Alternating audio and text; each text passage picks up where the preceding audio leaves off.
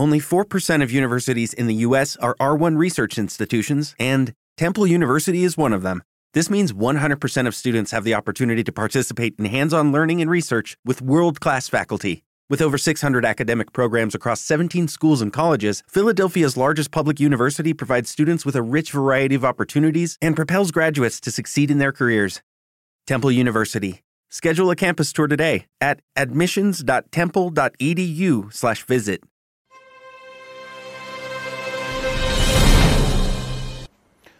Merhaba, ee, bir haftadır sizlere X-Men Dark Phoenix videosu yapmaya çalışıp beceremiyorum. Yani teknik bir aksaklık falan da yok ortada. Sadece izlerken çok sıkıldığım bir filmle ilgili sıkıcı olmayacak bir video yapmak hiç de kolay iş değil. O film biraz beklesin çünkü ben size yakın tarihte izlediğim en güzel bilim kurgulardan biri olan I Am Mother'dan bahsetmek istiyorum. I Am Mother, Avustralyalı yönetmen Grant Sputor'un ilk filmi. Senaryoyu Michael Lloyd Green ile yazmışlar. Green de sektörde çok yeni bir isim. E, bu iki çiçeği burnunda adamın ilk filmlerinde Hilary Swank ve Rose Byrne gibi isimlerle çalışması hem büyük bir şans hem de büyük bir başarı bence. Ama e, Swank vizyonunu beğendiği yönetmenlerin kariyerlerine bakmaksızın yapıtlarında yer almayı seviyor. E, kendisinin iki Oscar'ı var biliyorsunuz ve Boys Don't Cry filmiyle en iyi kadın oyuncu ödülünü aldıktan çok kısa bir süre sonra Christopher Nolan'ın üçüncü filmi Insomnia'da rol almıştı. Hoş o filmde Al Pacino ve Robin Williams gibi başka Oscar'lı oyuncular falan da vardı ama o tarihte Nolan henüz çağımızın en prestijli yönetmenlerinden biri falan değildi. Hilary Swank Sputor'da da Nolan'da gördüğü ışığın bir benzeri olduğunu ve ileride ondan da harika işler beklediğini söyleyip bizi de heveslendirdi. Ee, fazla Nolan göz çıkarmaz. Bence hiçbir sakıncası yok. Umarım Swank yanılmıyordur. Ee, filmin bir diğer başrol oyuncusu Clara Rugard e, henüz 21 yaşında ve ben kendisini ilk kez izledim. Aslında oldukça başarılı buldum. Böyle inceden bir Alicia Vikander havası var. E, zaten biri Danimarkalı, biri İsveçli bu oyuncuların benzetmemin asıl nedeni Vikander'ın daha önce Ex Machina'da karşımıza çıkmış olması. Bu iki film ton olarak birbirlerine epey benziyor. Neyse e, zaten film hakkında konuşmaya başladığımızda bana hangi filmleri çağrıştırdığını daha detaylı söyleyeceğim merak etmeyin. Yani izleme listeleriniz için yine bol bol malzeme çıkacak. Ee, başlıktan da anlaşılacağı üzere bu derin bir inceleme olacak. Haliyle filmi önceden izlemiş olduğunuzu varsayıyorum. Henüz izlemediyseniz e, bu video tadınızı kaçıracaktır. E, film Netflix'te var. Lütfen videoyu burada durdurup bir an önce gidip bunu izleyin. Sonra tekrar gelip kaldığınız yerden devam edersiniz. Öncelikle e, filmin genişçe bir özetiyle başlayacağım. Biliyorum bazılarınız bu özet işinden çok sıkılıyor ama videonun altında kaçıncı dakikada ne anlattığım var isterseniz oradan böyle atlaya zıplaya gidebilirsiniz. Niye özetliyorum? Çünkü herkes filmi izler izlemez gelip bu videoyu izlemeyecek. Belki filmi izledikten bir sene sonra bu video karşınıza çıkacak. Haliyle bir şeyleri unutmuş olacaksınız. Hem onlar için bir tekrar oluyor hem de filmi izlerken bazılarınız küçük detayları kaçırabiliyor. O yüzden özet filmi anlatmak için benim işime geliyor. İşte öykümüz insanlığın yok olduğu gün başlıyor. Ne olmuş, nasıl olmuş bilemiyoruz ama herkes ölmüş. Geriye gizli bir sığınakta depolanmış 63 bin insan embriyosu kalmış. Anne adındaki bir robot bu embriyolardan birini alıp büyütmeye başlıyor. E, büyüttüğü çocuğun bir ismi yok. Yani robot ona kızım diye sesleniyor. Kız da haliyle ona anne diyor. E, tüm hayatı bu sığınakta geçen kız kısa süre sonra hayatı sorgulamaya başlıyor ve annenin neden sadece tek bir embriyoyu kullandığını merak ediyor. E, robot bu soruyu kendi annelik yeteneklerini test edebilmek için şeklinde yanıtlıyor. Aradan yıllar yıllar geçiyor ve kız 18 yaşlarına geliyor. Ee, anne kızı sürekli yakında vermesi gereken bir sınava hazırlıyor. Onun için hazırladığı testler de genel ahlak ve etik değerler üzerine ki incelemenin sonunda filmin yararlandığı felsefi akımları konuşurken bu testlere geri döneceğiz. E, bu arada tıpkı insan gibi robotun da uykuya ihtiyacı var nedense. Geceleri kız uyurken o da kendisini kapatıp şarj ediyor. E, bu gecelerden birinde minik bir fare bir elektrik kesintisine neden oluyor. Kız fareyi yakalayıp sebep olduğu mekanik sorunu çözüyor. Ama anne farenin o dünyanın sonunu getiren hastalığı taşıyor olabileceğini söyleyerek imhasına karar veriyor ve hayvancığı yakıyor. E, bu olaydan kısa bir süre sonra sığınağa bir başka ziyaretçi daha geliyor. Bu seferki 40 yaşlarında bir insan. Yaralı bir halde kapıya dayanan bu kadın ilk olarak kız tarafından fark ediliyor ve onu gizlice içeri alıyor kahramanımız. E, durumu anneden gizlemesinin sebebi de farenin başına gelenler olsa gerek. E, kız bu yeni ziyaretçiye su vermek istediğinde kadın ona dışarıda insan için ölümcül bir virüs falan olmadığını ama tıpkı anne gibi Dozer adı verilen robotların insanları avladıklarını anlatıyor. Anne kadının varlığını fark edip onu yakalamaya kalkınca kadın onu vuruyor ama sonuç pek değişmiyor ve robot kadının silahını alıp onu revire kilitliyor. Ee, kızın ısrarıyla onu tedavi etmeye kalkıyor robot ama kadın robotun yanına yaklaşmasına bir türlü izin vermiyor. Ee, bunun üzerine anne kızından işte kadının güvenini kazanmasını istiyor. Bu sayede hem ona hem de varsa diğer sağ kalanlara yardım edebilecekler. Ee, kadın ısrarla robotun tedavisini reddedince kız onu ameliyat ediyor ve bedenindeki kurşunu çıkartmayı başarıyor. E, ameliyat sonrasında iyileşen kadın yeryüzünde başka insanların da olduğunu ve bir madende yaşadıklarını söylüyor. E, kız ona bu sığınakta herkese yetecek kadar yer olduğunu anlatmaya çalışıyor ama kadın ona boş ver gel biz birlikte madenlere gidelim diyor.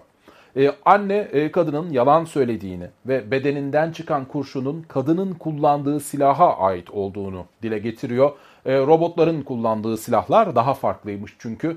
E, kız bu durumu e, kadınla paylaşınca e, kadın ona madem öyle git kendin karşılaştır diyor. Kız da aynen öyle yapıyor. Annenin o arızalanmış elini kullanarak e, daha önce açamadığı çekmeceleri açıyor ve kurşundan çok daha fazlasını buluyor. Anne daha önce de çocuk yetiştirmeyi denemiş ama sonuç pek başarılı olmamış. E, testi geçemeyen çocuk imha edilmiş. E, kız hem bunun kayıtlarını hem de yakılmış çocuğun çene kemiğini buluyor ve annesine olan inancı tamamen ortadan kalkıyor. Haliyle kadınla gitmeyi kabul ediyor ama ortada bir sorun var. Testlerde başarılı olmasının bir ödülü olarak anne kızının seçtiği bir embriyoyu yetiştirmeye karar veriyor. E, kız giderken bu bebeği de yanında götürmek istiyor. E, kadınsa hemen gitmeleri gerektiğini söylüyor ve ileride geri dönüp bebeği alabileceklerini iddia ediyor. E, bu plandan haberdar olan anne kızı bir odaya kitleyip kadını diğer sağ kalanlar konusunda sorguya çekiyor.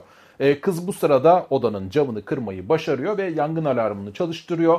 Kaçmaya çalıştıkları sırada Anne onları yakalıyor. Kadın kızı rehin alıp e, robota zorla kapıyı açtırıyor ve kız hayatında ilk kez dış dünyaya çıkmış oluyor. E, ikili e, robotlardan falan saklanarak böyle çöle dönmüş bir dünyada yolculuk yapmaya başlıyorlar. E, kadının anlattığına göre eskiden hava bile solunamayacak haldeymiş ama son dönemlerde robotlar gezegeni tekrar yaşanabilir hale getirmeye başlamışlar. İşte böyle devasa mısır tarlaları falan ortaya çıkmış. E, ortaya çıkan bir diğer şey kadının yıllar önce madenleri terk edip yalnız yaşamaya başlaması. Bunu anlayan kız e, çok büyük bir hayal kırıklığına uğrayıp yani kadının da yalan söylediğini fark edip e, sığınağa geri dönmeye karar veriyor. İşte kapıda karşılaştığı robotlara annesiyle konuşmak istediğini söylüyor. Robotlar onun geçmesine izin veriyor. Kız sığınağın kapısını sabote edip annesiyle yüzleşiyor.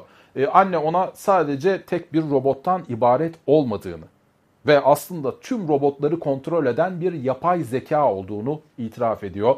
Daha da korkuncu insanlığın sonunu getiren felaketi de o organize etmiş. E, bunun nedenini insanlığın kendi kendisini yok etmek üzere oluşuna bağlıyor.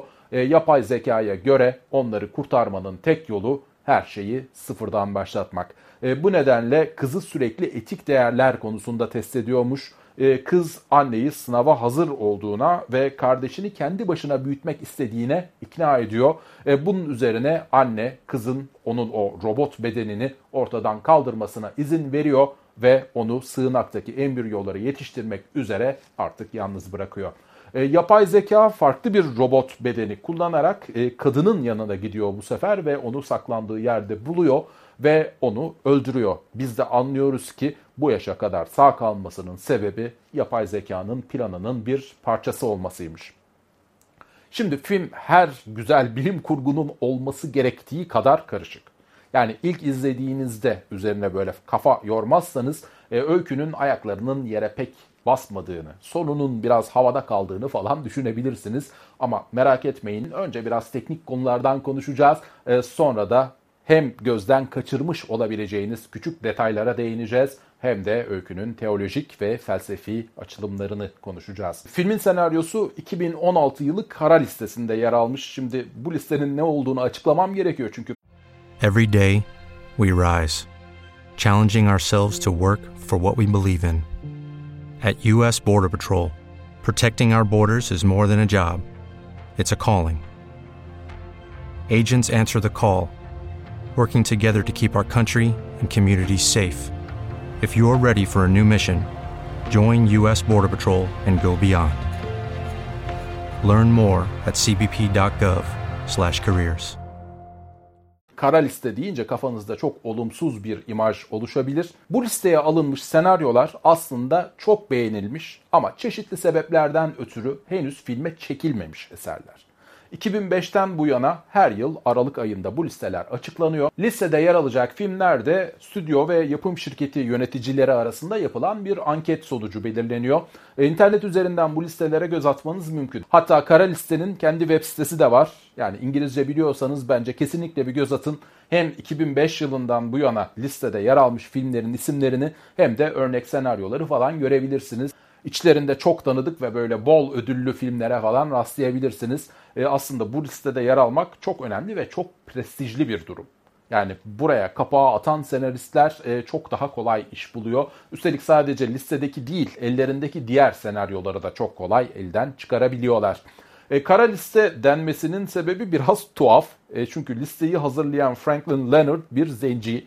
E, kendisi koymuş ona bu ismi ve e, Afrika köklerine bir saygı duruşu olarak adlandırmış. E tabi tek sebep bu değil. Yani bu isim aynı zamanda McCarthy döneminde komünist etiketi yemiş kişilerin oluşturduğu Hollywood kara listesine de bir gönderme. Şimdi McCarthy dönemindeki cadı avını konuyu çok dağıtmamak için burada anlatmayacağım. Belki ileride onun üzerine bir video çekerim.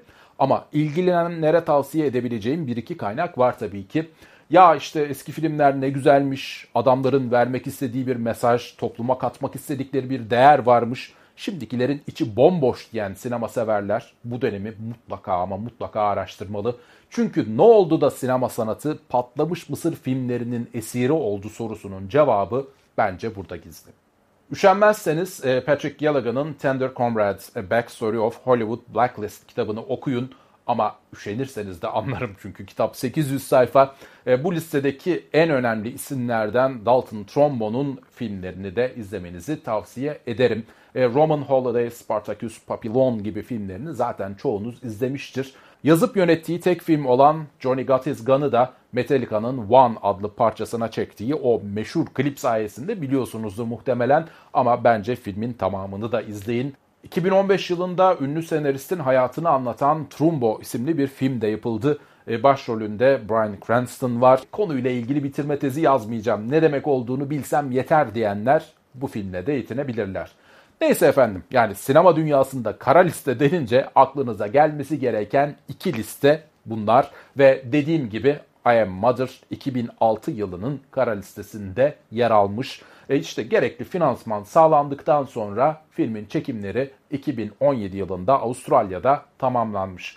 E, geçtiğimiz Ocak ayında Sundance Film Festivali'nde gösterilince çok beğenilmiş ve Netflix yayın haklarını satın almış. E, genelde tepkiler çok olumlu. Rotten Tomatoes notu ben baktığımda böyle 90'larda falan seyretmekteydi. E, ben filmi özellikle teknik anlamda çok başarılı buldum. E, etkileyici bir sinematografiye ve sıkmayan bir tempoya sahip. E, öykü biraz zor anlaşılsa da oyunculuk falan hep çok başarılı. Hilary Swank zaten çok iyidir ama ben açıkçası Rose Byrne'ün seslendirmesine hayran kaldım. Yani hem bir anne şefkati hem de böyle robotik bir soğukluk var sesinde. E, konu robottan açılmışken o tasarımdan da biraz bahsetmek gerekiyor. E, bence çok çok iyi. Yani zaten Lord of the Rings filmleriyle adını bol bol duyduğumuz ve dünyanın en iyi görsel efekt şirketlerinden biri kabul edilen Weta Workshop imzasını taşıyor. E, sade ve ilginç bir tasarım, kafası böyle PC kasası gibi e, gözü diyebileceğimiz sensörü de bir yerlerden tanıdık geliyor olmalı. E, bu tabii ki A Space Odyssey filmindeki bilgisayar hala bir gönderme. O tek gözdeki irisin açılıp kapanması da Terminator çağrışımı yaptırıyor. E, genel anlamda tasarım e, Overwatch'taki Bastion'a da çok benziyor. E, ama bu bilinçli bir seçim değil sanırım sadece bir tesadüf.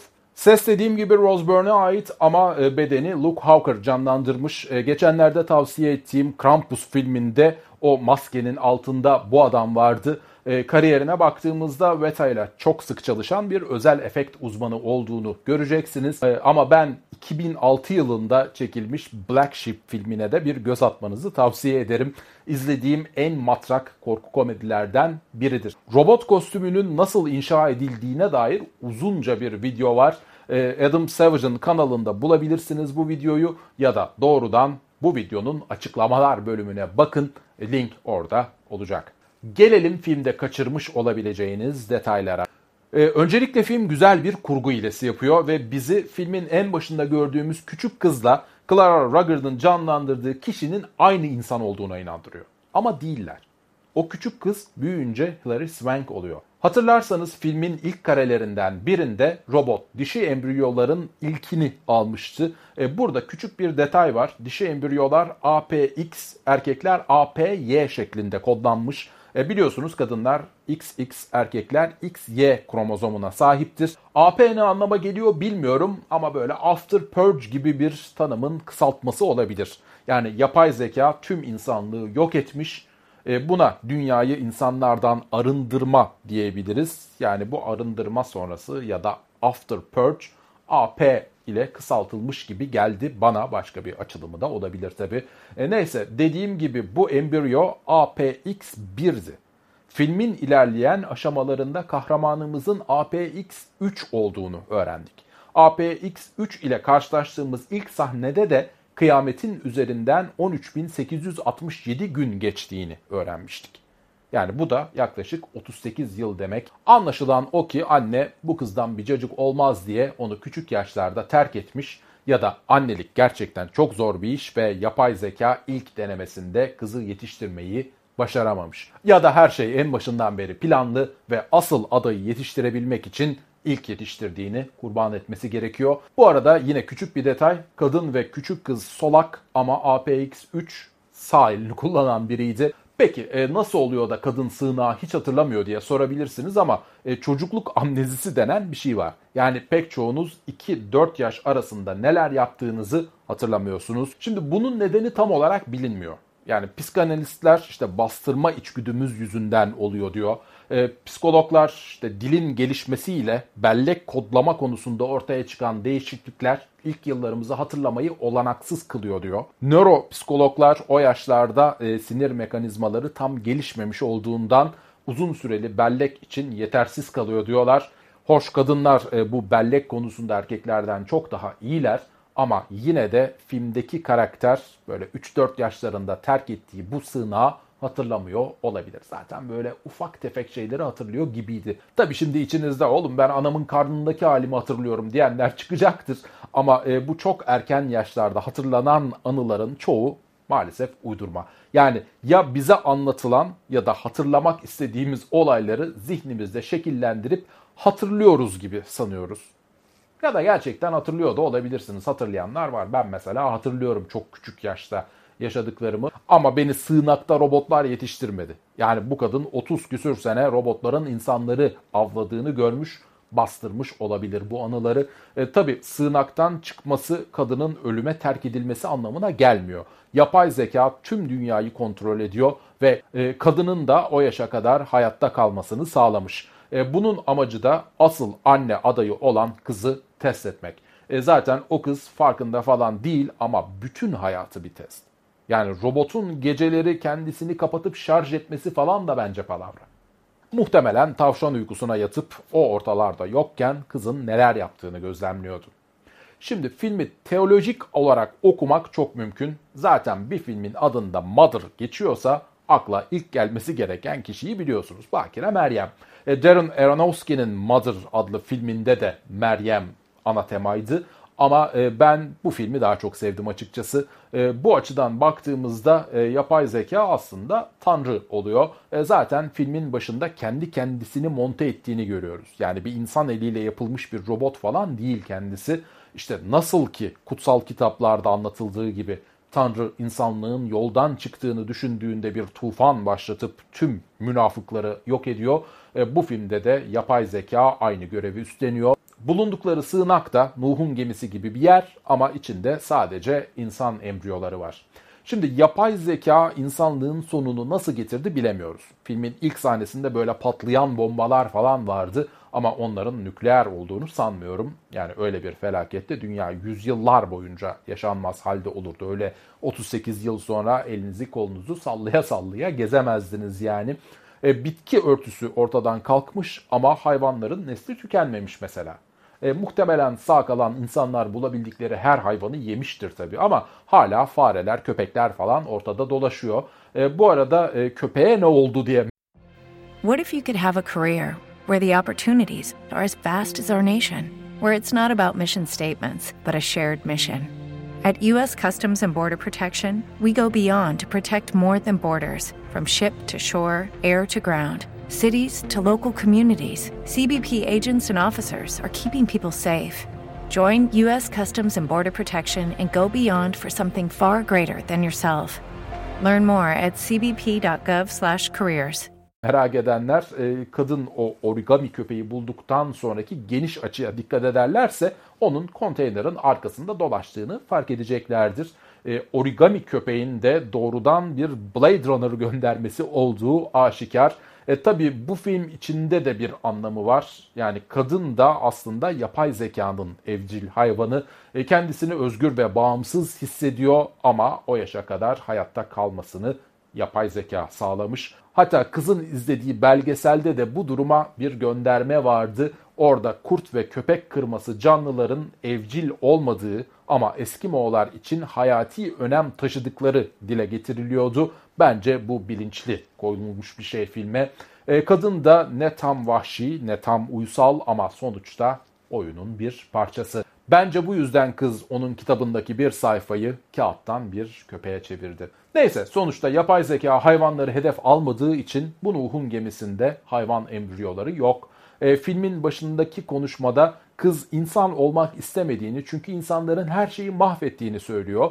E, robot insanlar harika yaratıklar olabilirler diyor. Yani tıpkı Tanrı'nın kullarını çok sevmesi gibi bir durum söz konusu. Filmi Terminator serisinden ayıran da bu zaten. Yani insanlığı dünyaya bir tehdit olarak görüp onu yok etme fikri çok filmde işlendi biliyorsunuz. Terminator dışında The Day the Earth Stood Still filmi geliyor benim aklıma mesela hemen. Ama Keanu'lu olanı değil elbette 1951 yapımı klasiği izlemenizi tavsiye ederim. Hoş diğeri de öyle çok iğrenç değildi bence ama orijinalinin eline tabii ki su dökemez.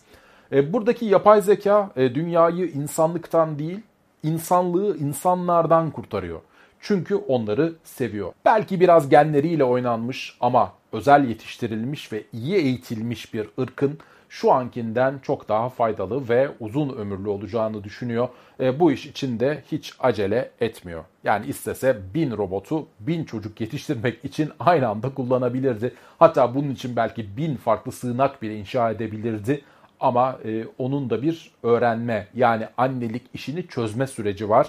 Bu nedenle tek tek deniyor. E, yine de gerçek anne robot ya da yapay zeka değil, küçük kız. Yani çocuklar da embriyodan üretildikleri için Bakire Meryem e, imajına tam olarak oturuyor bu karakter. E, filmdeki dinsel motifler bunlarla da sınırlı değil elbet. İşte o asla göremediğimiz ama kadından adlarını duyduğumuz 3 kişi var. Jacob, karısı Rachel ve Simon. Üçü de İncil'den alınma isimler. Hatta Rachel bize filmin başında yapılan şaşırtmacanın bir göstergesi olabilir. İncil'de anlatılana göre Jacob Rachel'ı görüp ona aşık oluyor ve evlenmek için 7 yıl boyunca kızın babasının hizmetinde çalışmayı kabul ediyor. 7 yıl sonunda babası ona kızını veriyor vermesine ama verdiği kız Rachel değil ablası Leah. Çünkü yörenin geleneklerine göre genç kızlar ablalarından önce evlenemiyor. Kayınpeder damada kazık attığını kabul ediyor ve bir hafta sonra diğer kızını yani Rachel'ı da alabileceğini söylüyor. Ama onun içinde bir 7 sene çalışması gerektiğini ekliyor. E, bu tabi doğrudan bağlantılı değil ama e, filmin başında kızların değiştirilmesi bana bu öyküyü çağrıştırdı. Şimdi tabi bu detaylara bakıp filmi klasik bir Hristiyanlık propagandası gibi algılayabilirsiniz ama bence tam tersi. Yani yapay zeka kızı yetiştirirken ona hiçbir dini eğitim vermiyor. Oysa kadın dini bütün biri. Yani film boyunca elinde bir haç vardı. Konteynerda da Meryem Ana figürleri ve çizimleri olduğunu görmüştük.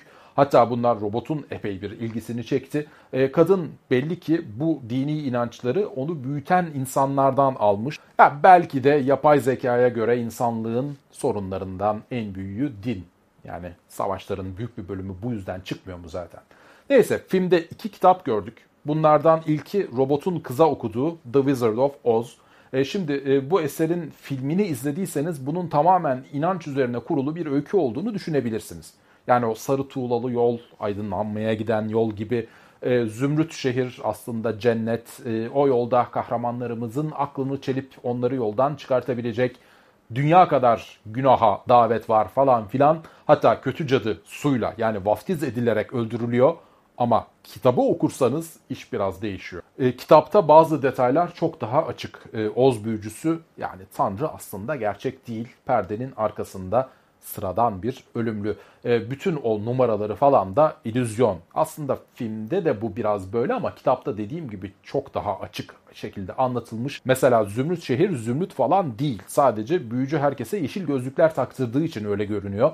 E, hatta kitaptaki ateizm çağrışımları o kadar yoğun ki ilk çıktığında dindarlar kitabı yasaklatmaya çalışmışlar. E, ikincisi yani kadının sürekli elinde taşıdığı, içine çizimler yaptığı kitap The Gods of Mars. Edgar Rice Burroughs'un e, Barsum serisinin ikinci kitabı.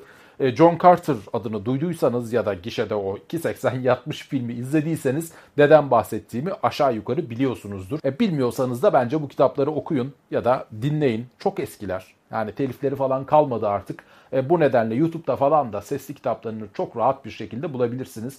Hatta açıklamalar bölümünde ben bulduğum bazı linkleri sizinle paylaşırım.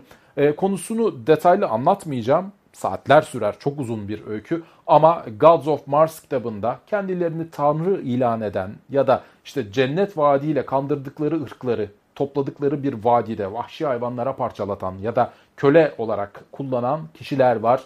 E, Edgar Rice Burroughs'un böyle her türlü organize dinden nefret eden bir ateist olduğunun da altını çizmekte fayda var. Bence filmde çok açıktan açığa olmasa da Hristiyanlıktan çok ateizm propagandası yapıyor. En azından perdede görünen iki kitabın da sık sık ateizmle anılması bence bunun işareti. Son olarak filmde sık sık adı geçen felsefi sorulardan da biraz bahsedelim. E, robot kızına 5 e, insanın hayatını kurtaracak olsan sağlıklı birini kurban edip onun organlarıyla bu 5 hastaya şifa verir misin tarzı sorular soruyor. Bu aslında çok meşhur bir soru. Utilitarianizm yani faydacılık dediğimiz ahlaki teorem bu sorunun cevabını bulmaya çalışır. E, bu teorem sadece eylemlerimizin doğurduğu sonuçlara bakar ve niyetimizin ne olduğunu çok da önemsemez. Yani e, sonucu güzelse eylemimizde güzeldir. Tıpkı yapay zekanın tüm insanlığı yok edip onları yeni ve türün devamlılığını sağlayabilecek insanlarla değiştirmek istemesi gibi. Şimdi modern felsefede bu teoremi ortaya atanlar 1800'lü yıllarda yaşamış Jeremy Bentham ve John Stuart Mill adındaki iki İngiliz düşünür. Tabi ilk akıl eden onlar değil. Yani iş Yunan düşünürü Epikürüs'ün verdiği eserlere kadar dayanıyor. E, elbette eylemin sonucunun kime göre güzel olduğu da önemli. Yani robot dünyayı yok etti ve biz yok olmuş olduk. Bizim için güzel bir sonuç değil. Yani sadece bize göre ise bu utilitarianizm falan değil. Düpedüz egoizm. Yani sadece kendine faydacılık değil amaç. En iyi sonucu en fazla kişiyi mutlu edecek şekilde almak. Utility yani yararlılık bunu gerektiriyor. E, bu bazen size çok keyif veren şeylerden feragat etmeniz anlamına da gelebilir. Yani mesela doğum gününüz ve 5 arkadaş sinemaya gitmeye karar verdiniz. Doğum gününüz diye seçim hakkı size bırakıldı ve siz en çok korku filmi seviyorsunuz. Ama grubunuzdaki ödek arkadaşları da düşünerek sizi en çok mutlu edecek şeyi değil, herkesi idare edebilecek bir şeyi seçiyorsunuz. Eğer bunu yaptıysanız tebrikler, faydacılık işini kavramışsınız demektir. Tabi işler her zaman bu kadar kolay değil. Mesela Bernard Williams'ın ortaya attığı meşhur bir problem var. Güney Amerika'da tatildesiniz ve 20 kişilik bir grup işte ülkenin baskıcı rejimini protesto ederken askerler çıka geliyor. Askerlerin komutanı sizi yanına çağırıyor ve şöyle bir teklif getiriyor. Bu 20 masum insandan birini vurup öldürürseniz diğer 19 kişiyi anında serbest bırakacağım. Ama kabul etmezseniz askerler buracıkta herkesi kurşuna dizecek. Asker aslında her halükarda ölecek olan 20 kişiden 19 tanesinin hayatını kurtarma şansını tanıyor size. Ama siz sonsuza kadar masum bir insanı öldürmüş olmanın acısıyla yaşayacaksınız. Bu problem faydacılık dediğimiz ahlaki teoreme getirilen en ciddi eleştirilerden biri olarak kabul ediliyor. Çünkü ahlaki diyebileceğimiz hiçbir teorem sizi masum bir insanı öldürmek zorunda bırakmamalı. Bu nedenle zorlayıcı ve hayata geçirilmesi çok zor bir düşünce yapısı bu. Filmde yapay zeka duygulardan ve vicdandan arınmış olduğu için bu kararı son derece kolay bir şekilde verebiliyor. Ee, güzel bir sonuç uğruna önce tüm insanlığı sonra da kendi yetiştirdiği iki kızı feda ediyor. Ama üçüncü kız da umut ışığı görünce dünyayı yeniden yaşanabilir bir hale sokmaya başlıyor. Ee, kızın e, tabi tutulduğu test aslında klasik faydacılığa bir örnek. Yani 5 kişinin hayatına karşı bir kişinin hayatı. E, teoride kulağa hoş geliyor ama o bir kişi sizseniz ne olacak? Yani elbet organlarımız birilerinin hayatını kurtaracaktır. İşte burada bir problem doğuyor ve ortaya ikinci bir teorem. Every day we rise, challenging ourselves to work for what we believe in. At U.S. Border Patrol, protecting our borders is more than a job, it's a calling. Agents answer the call, working together to keep our country and communities safe. If you're ready for a new mission, join U.S. Border Patrol and go beyond. Learn more at cbp.gov/careers. çıkıyor. Kurallı faydacılık. Dediğimiz gibi bu düşünce akımlarının temeli insan mutluluğu. İşte günün birinde 5-10 kişinin hayatını kurtaracağız diye sevinebilirsiniz ama sıranın size gelme riski var. Yani bu düşünceyle yaşarken de mutlu olmanın bir imkanı yok. Haliyle faydacılığa bazı kurallar getiriliyor ve kısa vadede işe yarayacak ama uzun vadede toplumu mutsuzluk ve karamsarlığa sürükleyecek işler yapmamız engelleniyor. Yani kız belki yeni insanlar yetiştirecek ama yapay zeka Demokles'in kılıcı gibi tepelerinde sallanmaya devam edecek. Yani gidişat kötüyse tekrar formatı basmayacağı ne malum. Yani şu an belki bunu yapabilecek bir yapay zeka icat edilmedi ama hemen her din bu işin sonu kıyamet, Tanrı'nın bir gün tepesi atacak ve insanlığın sonu gelecek demiyor mu? İşte e, bu film bu tip düşünceleri ortaya atabildiği için bence çok güzel. I Am Mother öyle eşi benzeri görülmemiş bir başyapıt değil elbet. Ama Netflix'in bize sunduğu bilim kurgular içinde eli yüzü düzgün olanlarından biri. E, yer yer bana Duncan Jones'un o nefis filmi Moon'u hatırlattı. Yani ben bu filmi bulduğum her fırsatta tavsiye etmeye devam edeceğim size arkadaşlar. Mutlaka izleyin. Onun dışında yer yer Ex Machina ve Cloverfield Lane filmlerinin de havası var. Ki bu iki filmi de çoktan izlemiş olmanız lazım. İzlemedinizse durduğunuz kabahat.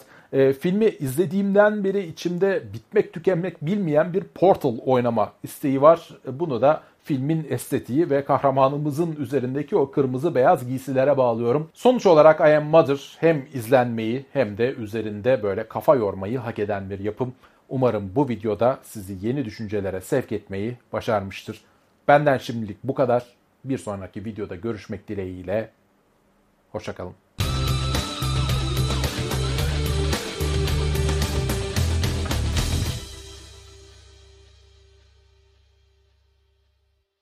Hello, it is Ryan, and I was on a flight the other day playing one of my favorite social spin slot games on chumbacasino.com. I looked over the person sitting next to me, and you know what they were doing?